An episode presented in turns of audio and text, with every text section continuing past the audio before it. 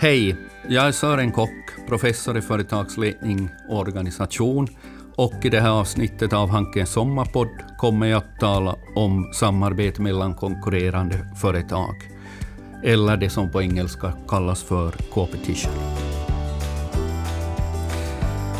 När man ser tillbaka på hur strategier mellan företag har utvecklats så kan man ju säga att under de här senaste åren, och då talar vi om ett tidsperspektiv på ungefär 30 år, så har fokus blivit på kärnverksamhet.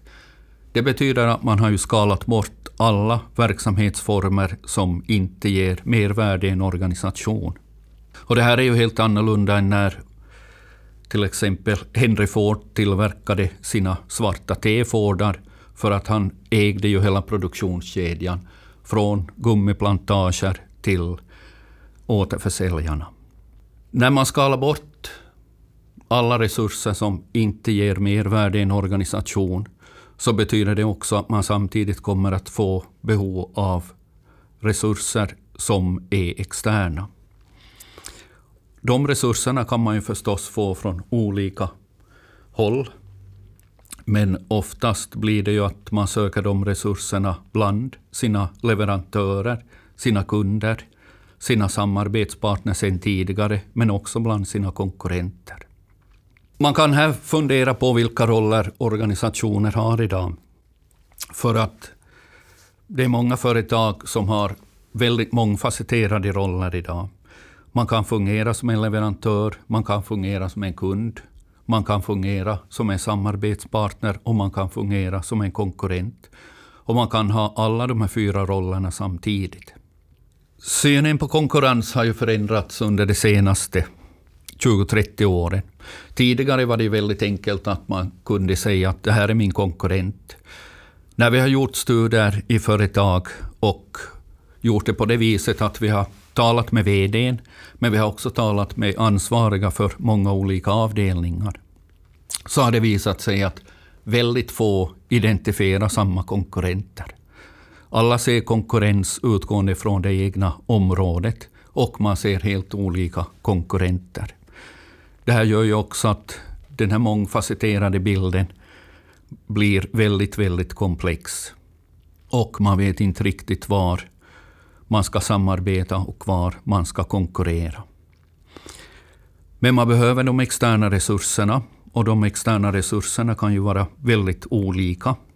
Det kan till exempel vara utvecklingssamarbete som olika företag gör för att ta fram nya produkter. Någonting som är otroligt vanligt idag, trots att man talar ganska tyst om det. Det kan vara att man delar på personal, vilket, vilket också förekommer. Man kan dela på verktyg, man kan dela på kunder. Man kan till och med gå in och hjälpa varann med finanser.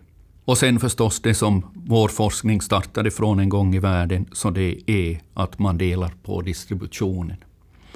Det första forskningsprojektet som vi gjorde så utförde vi i Sverige och det gjorde vi utgående från att bryggerierna blev tvungna att ha ett gemensamt system för återvinning. Man tvingades med andra ord in i samarbete av myndigheterna trots att man från början inte hade tänkt göra det. Och sen visade det sig förstås att det fungerade jättebra och vi ser ju det i alla länder idag mer eller mindre. När man talar om samarbete mellan konkurrenter så kan man ju fundera på att hur kan det här fungera utgående från att vi länge har haft ett perspektiv inom nationalekonomin att man inte får samarbeta när man är konkurrent utan man ska då konkurrera. Vi har ju också en väldigt stark antitrustlagstiftning som gör att samarbete mellan konkurrenter i många fall ses som någonting negativt. Men å andra sidan, för att överleva med en kärnverksamhetsstrategi så finns det idag väldigt få andra alternativ än att söka samarbete med andra företag. Det här kan vi ju också väldigt bra nu se utgående från det som är på gång här i Vasa med Wärtsilä som vill bygga upp en ny typ av verksamhet i Vasklot där man då vill bjuda in både samarbetspartner, konkurrenter och andra intressenter för att samarbeta. nu är det förstås inte så där jätteenkelt att säga att nu börjar vi samarbeta med konkurrenter. Utan det måste ju finnas en naturlig grund till den här typen av samarbete. Och det som vår forskning har visat är ju att trust, eller tillit, är nyckeln för att få ett gott samarbete. Om man kan lita på den andra så betyder det också att man kan samarbeta trots att man är konkurrenter. Det är också väldigt viktigt här att komma ihåg att ett sätt att skapa den här trusten är ju förstås att man långsiktigt känner varann. I ett av våra forskningsprojekt i Sverige inom bergsindustrin så kom vi fram till att det fanns samarbete mellan konkurrerande företag på den individuella nivån inom forskning och utveckling. Det här var någonting som företagsledningen nekade till. De sa att de har inget samarbete med sina konkurrenter. Men sanningen var det att den anställda personalen inom forskning och utveckling hade studerat tillsammans. De hade skapat starka sociala nätverk mellan varandra och de ansåg att det viktiga var att driva tekniken framåt inom deras bransch. Så de hade byggt upp en väldigt stark tillit mellan varandra och det gjorde också att de delade på alla forskningsresultat som de kom fram till. Det här är förstås någonting som totalt sett gynnar branschen, kanske inte alla gånger gynnar det enskilda företaget. När vi talar om samarbete mellan konkurrenter så kan man definitionsmässigt se det på några olika sätt. Och inom forskningen så har det också forskats i de olika sätten att se på competition. Nalba och Brandenburger så såg det utgående från att man tillsammans bakar en kaka och sen delar man på den.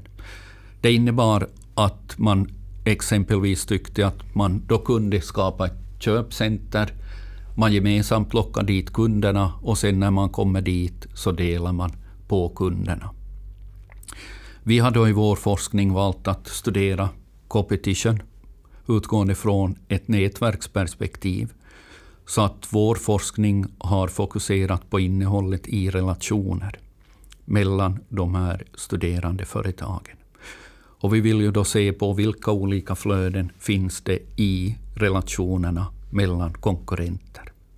När vi hade vår första presentation på en internationell konferens i Frankrike, i Lyon. Och vi lade fram våra tankar som på den tiden kan man väl säga var väldigt unika inom vårt gebit. Så fanns det i publiken en fransk professor som steg upp och blev väldigt, väldigt arg. Och sa ungefär att i Frankrike förekommer inget samarbete mellan konkurrenter. I dagens läge så finns en väldigt stark forskningsenhet i Frankrike, i Montpellier. Så det är ju också ett eh, tecken på att competition finns överallt. Och det har alltid funnits, men man har talat väldigt lite om det. För att det är ju någonting som kanske inte alla gånger är riktigt rumsrent. För att balansen mellan samarbete och konkurrens är många gånger hårt fin.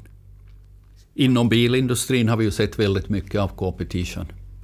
Och det är utgående från att många bilföretag idag delar på plattformar som man då sen designar enligt eget tycke och smak. Det här är också väldigt typiskt för competition, för det innebär att man har aktiviteter långt borta från kunden som kunden inte ser, där man samarbetar men sen i sista ledet mot kunden, så där finns det en diversifiering som gör att kunden tror att det är helt olika produkter, trots att det i grunden är precis samma produkt. Samarbete mellan konkurrenter kan bli en strategi för ett framtida övertagande av en konkurrent. Det här har vi sett i flera av våra forskningsprojekt där man först inlett väldigt försiktigt ett samarbete mellan konkurrenter och sen så småningom har man valt att ta över det konkurrerande företaget.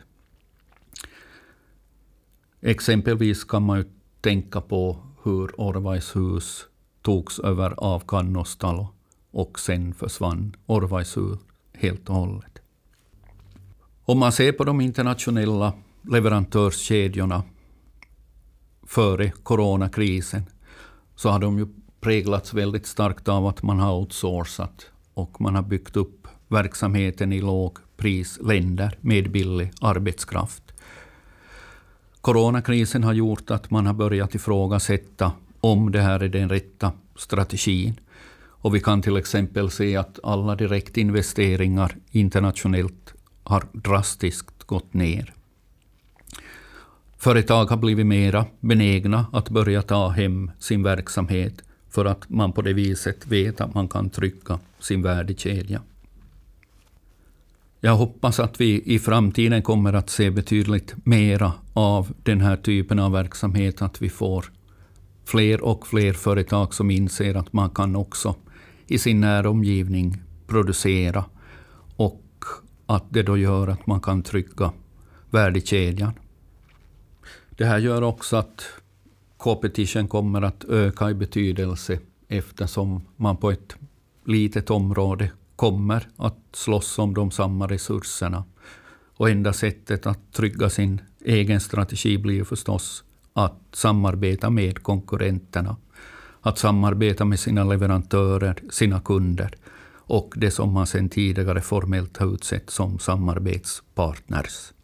Om du vill fördjupa dig i hur konkurrenter samarbetar så finns det en jättebra bok som heter The Rutledge Companion to Competition Strategies som är skriven av Fernandez, Barretto och Sasakon. I den här boken behandlas flera olika synsätt på competition. Det gemensamma för alla de här olika synsätten är att man ser competition som en strategi för överlevnad. Tack för att du har lyssnat på Hankens sommarpodd. Mitt namn är Sören Kock och jag önskar alla en trevlig sommar.